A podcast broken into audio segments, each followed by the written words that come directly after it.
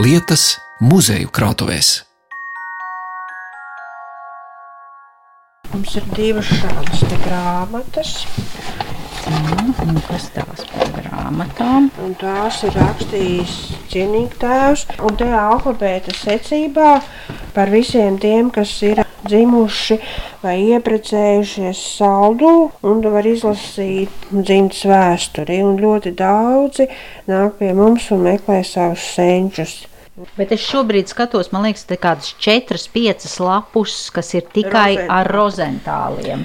Uzvārds kā tāds rozentāls ir izplatīts, bet viņiem nav nekāda saistība ar Jani Rozentālu.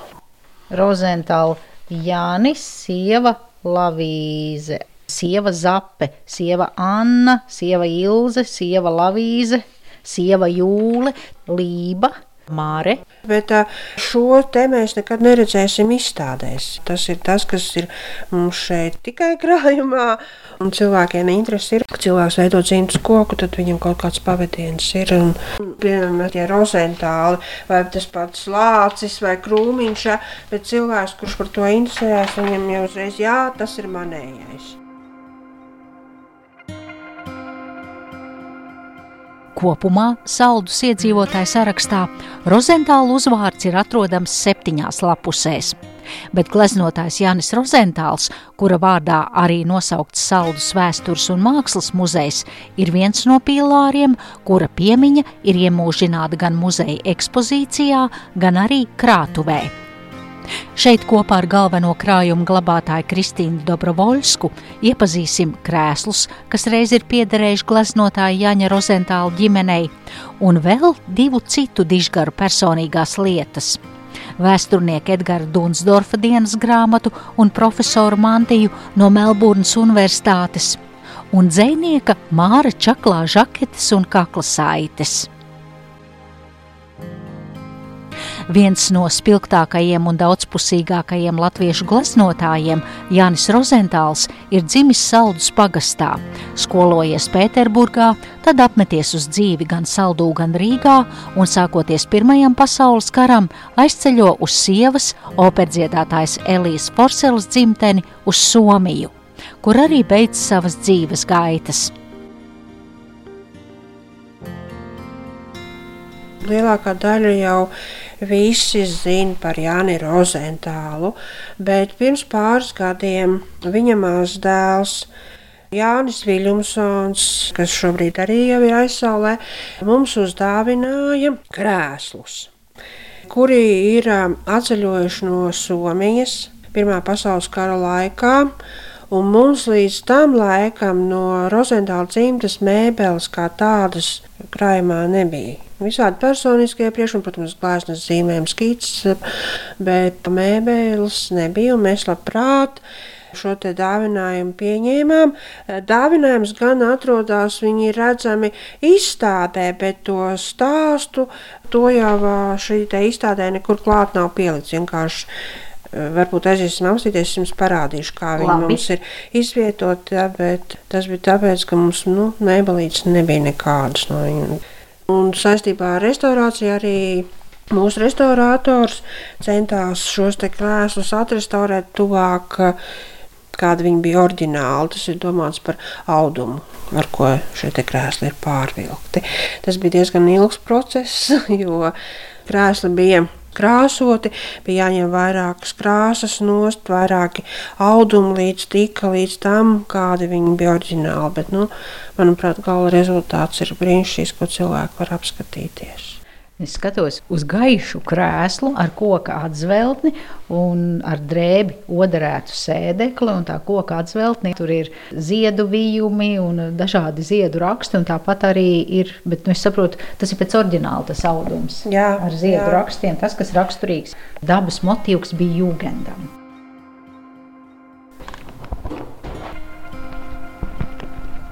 Mūsu ceļš ved pāri pagalmam no krātuves uz ekspozīciju zāli, kur redzamas gan rozentāla gleznas, gan arī minētie krēsli.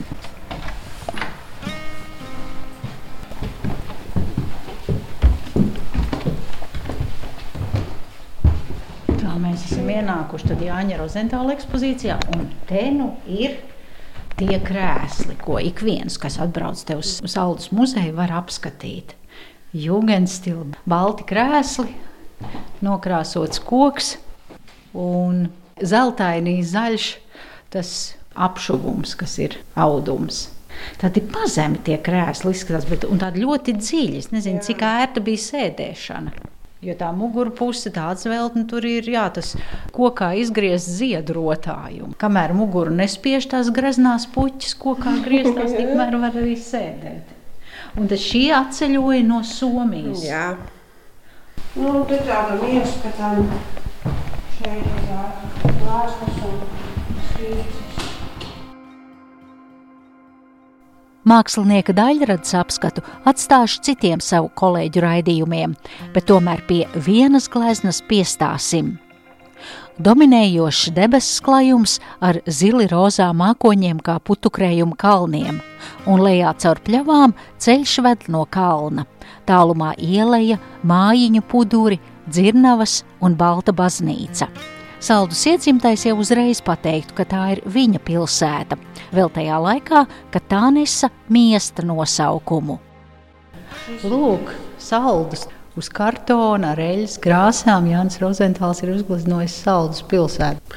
Un šeit mēs redzam Svētā Jāņa baznīcu. Tad miests kurzemē es skatos uz ainavu ar daudzām mājām. Tā īstenībā ir Saldus pilsēta. Jā, Un šīs te, ja mēs te stāvētu, tas ir skats no pilskalna. Lūk, veidzirnavas tādas ir sen pazudušas ja, jā, no Saldus pilsētas ainavas. Te ir tirgus laukums, te tagad ir autoosta, kur tas krūmu jā, pudurs. Jā. Jo baznīca jā, ir pļaviņa un tad tur ir koku aleja un daudz, daudz koku, kur tagad mēs droši vien redzētu Rimī un autoostu. Un, un, un, pašu pilsētas centru. Jā. Jā, kas tobrīd bija tāds ties, tiešām tāds zaļš miests.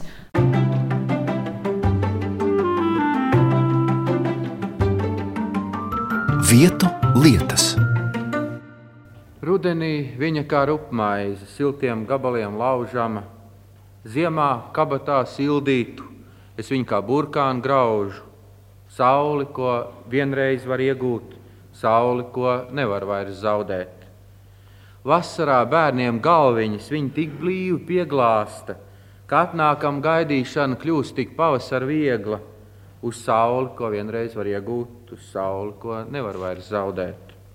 Pāri kalnsētas kokiem austošā, visur līdzi man bijusī mana zelta kontrabanda, mana kabatas baterija, saule, ko vienreiz var zaudēt, saule, ko nevar vairs iegūt.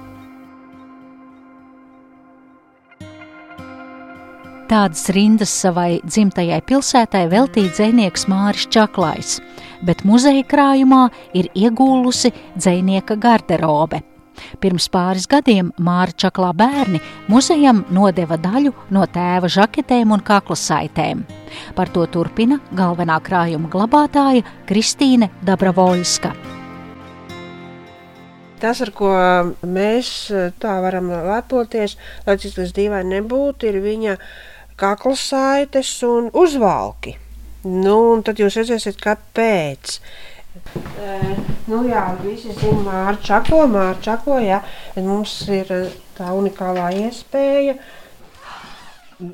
jo viņam šie te, nu, žaketes, bikses un uzvalki, un tāpat arī kaklasaites ir ar savu odziņu, ļoti raibas. Jūs Jā. izņēmāt, tagad parādījāt, es skatos uz sīkrūtotu, zils ar dzeltenu rūtiņas, eh, sīkrūtotu žaketi. Mm -hmm.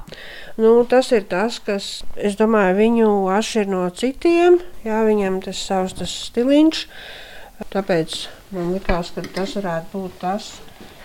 Arī pelēkajos pa, padomu laikos Mārcis Čaklais vienmēr bija pamanāms ar saviem Jā. savām kaklasaitēm un, un, un savām žaketēm. Un šeit arī varam redzēt, kādas viņam bija tās kaklasaites. Tumši zila ar baltām pumpiņām, Jā. te tādi sāls un pipari raksti. Tad ir šī te ir tāda košāka. Zili zaļa mm. kaklasaite šaura. Un kā jūs tās kaklasaites ieguvāt vai to? Pirms pāris gadiem muzeja uzrunāja Čaklā dēls Ingmārs Čaklais. Ja citi veda no ārzemēm suvenīrus, tad tētis reizēm atveda sev kaklasaites un žaketes. Jā, tā bija viņa iespēja un vēlme bagātināt garderobi. Tā attālināti ierakstītā sarunā no Anglijas man stāsta Māra Čaklā dēls Ingmārs Čaklais, Latviešu kultūras centra Birmingēmā vadītājs. Tā kā liela daļa no dzinieka krāsainajiem apģērbiem tika iegādāti padomju laikos, tad minu, ka tā ir bijusi vēlme Mārim Čaklajam atšķirties no toreiz pelēki ģērbtajiem ļaudīm. Nu, es varētu teikt, ka jūs jau daļai uzdodot to jautājumu, pati sev atbildējāt. Tikai nu, tā ir viena šķautne. Kāpēc zvejnieks padomju laikos, kad vairums tērpās pelēki, valkāja tam tā, laikam tik košas un raibs uzvalks un kaklasaites?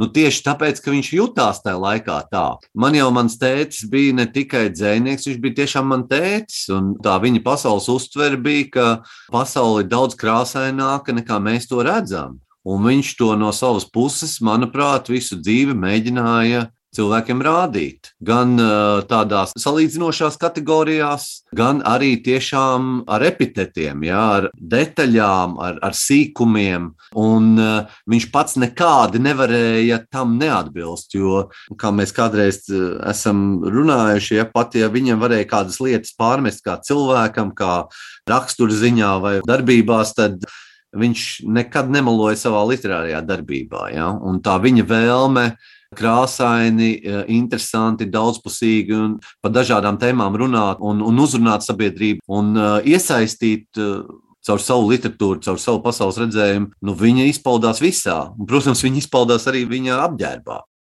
no spilgtiem piemēriem tādiem es varu pateikt, un viņš to ne tikai tā jūta, bet viņš to jūta, ka tā būtu jāizjūt arī citiem. Piemēram, es atceros ļoti labi savu braucienu uz Venēciju. Pēdējā brīdī būtiski gāja vārā, sabučojumās atradījāmies. Es teicu, pagaidi, paņem šo naudu līdzi. Es saku, kāpēc? Viņš saka, nopērc obligāti kaklasaites sev. Es saku, man ir nauda, viss ir kārtībā. Viņš teica, nē. Es gribu, lai tu par manu naudu nopērci savu kaklasaites, jo es tev viņas gribu uzdāvināt. Tu pats izvēlējies, bet tā ir mana dāvana tev. Man tas vienmēr ir. Man, piemēram, kaklasaits liekas vienmēr ļoti, ļoti nozīmīga detaļa vīriešu accessorus, jo tas nāk tieši no tēta. Un spilgts uh, žakets, viņš tā jutās labāk. Nezinu, dažādu arī raksturu īpašības dēļ. Viņam gribējās būt pamanītam, viņam gribējās, lai pievērš uzmanību un lai viņš attiecīgi var nu, tevi uzrunāt arī tādā formātā. Man ir ļoti daudz tēta kaklasaites. Es esmu kādreiz domājis par to, ka, ka ir kādreiz kādas tādas smagas lietas arī saistībā ar Ukrajinu. Es domāju, tā, ka varbūt kaut kādas tās tēta lietas, kas man par piemiņu ir, ka varbūt vajadzētu izlikt izsolā. Un kaklasaites ir viena no tām lietām, kas ir ļoti interesanti, jo man jau ir tādas kaklasaites, kuras ir valkājis Mārcis Čaklais, tad ir valkājis Ingmārs Čaklais un tagad valkā mani bērni. Sakustēšanās no nekā, saules aizmetnis dzīlē, vibrācija, kas saka, jā, nesauc to vārdā, gaidi debesu pamošanos, koncentrēšanos vienā zīlē, tas ir tik gaišs un vienīgi, nesauc vēl vārdā, gaidi dubultu varavīksni, nākam no ūdeņu siliem, un no debesīm nokāpa balss. Kur tu kavējies? Es tevi mīlu!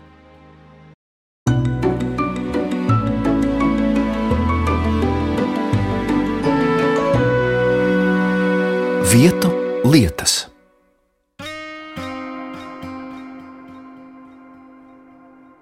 Un trešais ievērojamais saldinieks ir vēsturnieks Edgars Dunsdorfs.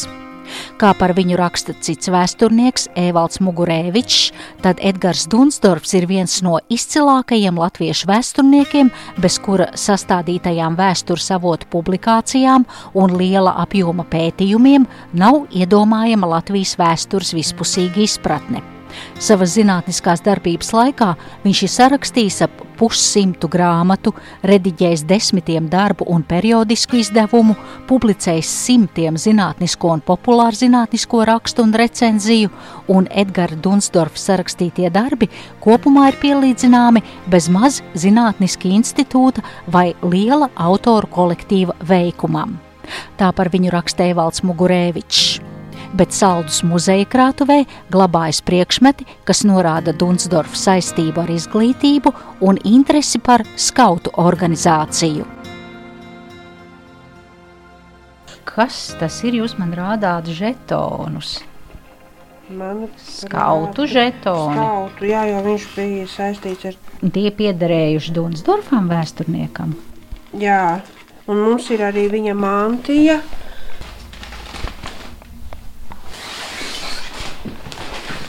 Tā kārtējo krātuves apģērbu jūs izņemat ārā samta atlokiem.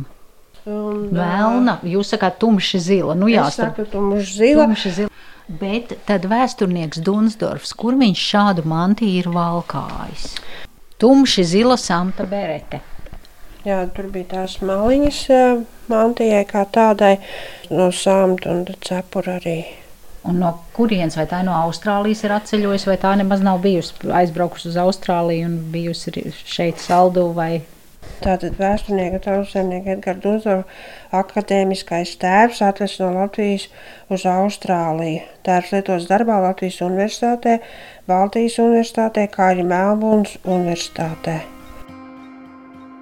Kas ir bijusi Baltijas universitāte, kas pastāvējusi ārpus Baltijas valstīm, un kāda nozīme ir bijusi Edgaram Dunsdorfam šīs universitātes dibināšanā. Par to attālināti ierakstītā sarunā stāsta Saldus vēstures un mākslas muzeja vēstures speciāliste Ilze Hāruna. Tā nav ļoti daudz priekšmeti, kas būtu saglabājušies tieši no saldus perioda, bet ir viens, par ko mēs ļoti lepojamies, ko viņš ir visu savu dzīvi glabājis, izvadājis līdzi trimdā, gan Vācijā, gan arī tālāk Austrālijā, un tā ir skautu dienas grāmata, ko viņš pats ir veidojis, un 1924. gadā, kad notika Dānijā, ļoti liela skautu nometne. Tajā piedalījās arī Edgars Dunsdors un saldus skautu vadītājs Teodors Kalksts. Nu, tad, kad viņi atgriezās mājās, tad uh, Edgars Dunsdors pats pagatavoja, izveidoja šo dienas grāmatu. Viņai ir saplākšņa vāki, apvilkti ar audumu, ādas muguriņa, un ir arī uh, šī skautu lilija, no ādas veidota, izstrādāta. Tā ir uz uh, šīs dienas grāmatas priekšējā vāka. Nu, un viss, kas ir noticis uh, šajā lielajā skautu nometnē Dānijā 1924. gada augustā, to Edgars Dunsdors ir arī aprakstījis. Edgars Dunsdors ir ne tikai ļoti talantīgs vēsturnieks, bet viņam ir tāds dabas dots arī zīmētāja talants. Un viņš ir arī šajā savā dienas grāmatā, viņš ir ļoti daudz zīmējumus par tiem notikumiem, kādi tur ir šajā nometnē ir bijuši. To viņš ir attēlojis ā, šajā dienas grāmatā. Nu, tā laikam ir vienīgā lieta, ko viņš ir paņēmis līdzi no saldus.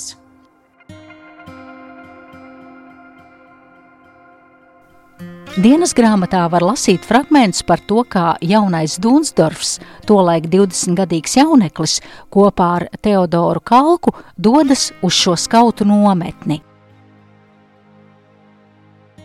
Nobeidzis darbu kā parasti, pulksten sešos vakarā devos mājā, lai sagatavotos ceļojumam uz Dāniju, apmeklēt vispasaules skautu nometni. Sagatavoties patiesībā nebija vajadzīgs. Mugursomu bija piepakojis jau no rīta, un tur varēja atrast veļu divām nedēļām, segu, fotoaparātu un pārtiku divām dienām. Nometnē nepieciešamo katliņu, karoti un visu ko citu bija nodomājis nopirkt Rīgā. Atlika piepumpēt riteni, atvadīties no brāļa, grosmāmas un doties ceļā. Tik tālu dienas grāmatas fragments, bet turpinājumā Ilze Hāruna stāsta par Baltijas Universitātes dibināšanu. Kara gados, pēc kara laikā, arī tas Vācijas periods, kad 44. gada rudenī, kad Dunsdors izceļo no Latvijas, tad, protams, viņu arī nevisai labi sagaidīja Berlīnē, jo Berlīnē, Berlīnas universitātē viņš gribēja sākt strādāt. Viņš ir pārvaldījis ļoti daudz valodas, vācu valoda arī. Jo to viņš ir mācījies šeit staudas periodā.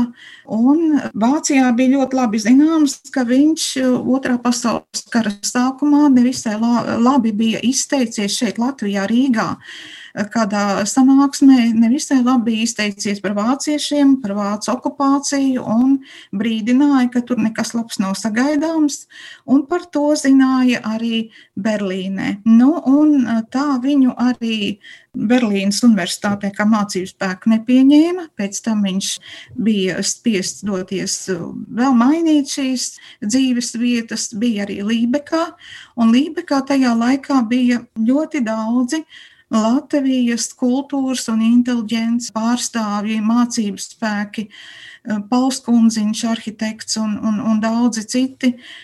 Un šeit arī Lībekā rodas tā doma par um, Baltiešu universitātes dibināšanu. Tas ir tāds unikāls, nebijis gadījums, kad bēgļiem, arī šie bēgļu profesori, kas tajā laikā atradās Vācijā, ka viņi vienojās izveidot šo universitāti bēgļu jauniešiem, tieši no Baltijas valstīm, no Lietuvas, Latvijas un Igaunijas, lai viņi varētu mācīties. Un fakultātes šeit ir astoņas, tās ir ļoti dažādas, gan arhitektūra, gan medicīna, gan tautsaimniecība, lauksaimniecība.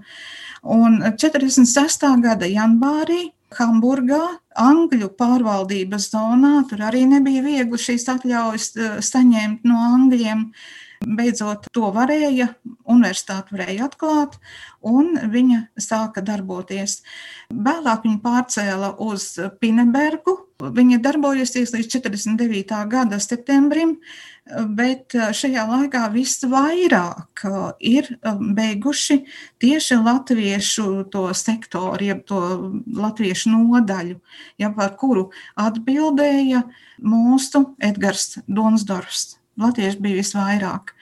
Nu, Baltijas universitātei ir arī nozīmīta, ir arī dažādi bukleti, un ko nu viņi paspēja tajos pēckara laikā, ko nu paspēja izdot. Un te Baltijas universitātes nozīmīta attēlo lāpu, un lāpas kāds ir apīts ar uh, visu mūsu Baltijas valstu karogiem. Ir Latvijas, Lietuvas un Igaunijas karogu attēli. Nu, tad, kad jau ir 49. gads un sākās izceļošana, šīs bēgļu nometnes sāk likvidēt, un arī Dunsdors 48. gadā jau dodas uz Austrāliju, tad arī pakāpeniski zūd studentu skaits un fakultātes ir jālikvidē. Tā arī beidza pastāvēt Baltijas universitāte, bet tajā laikā viņa ļoti nozīmīga bija jauniešiem, lai viņi varētu turpināt savu izglītību, un daudz arī pēc tam izceļojot savās mītnes zemēs, gan Austrālijā, gan Amerikā, gan Kanādā, gan turpat Vācijā, turpināja savu izglītību, un, un te liels nopelns ir tomēr arī mūsu Dunsdorfam.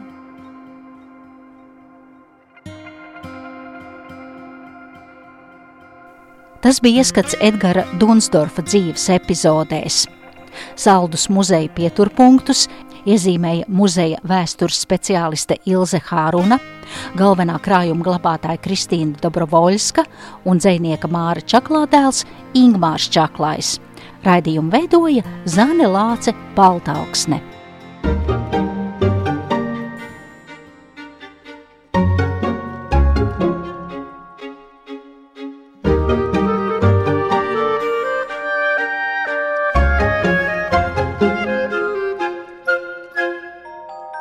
Vietu, lietas, muzeju krātuvēs.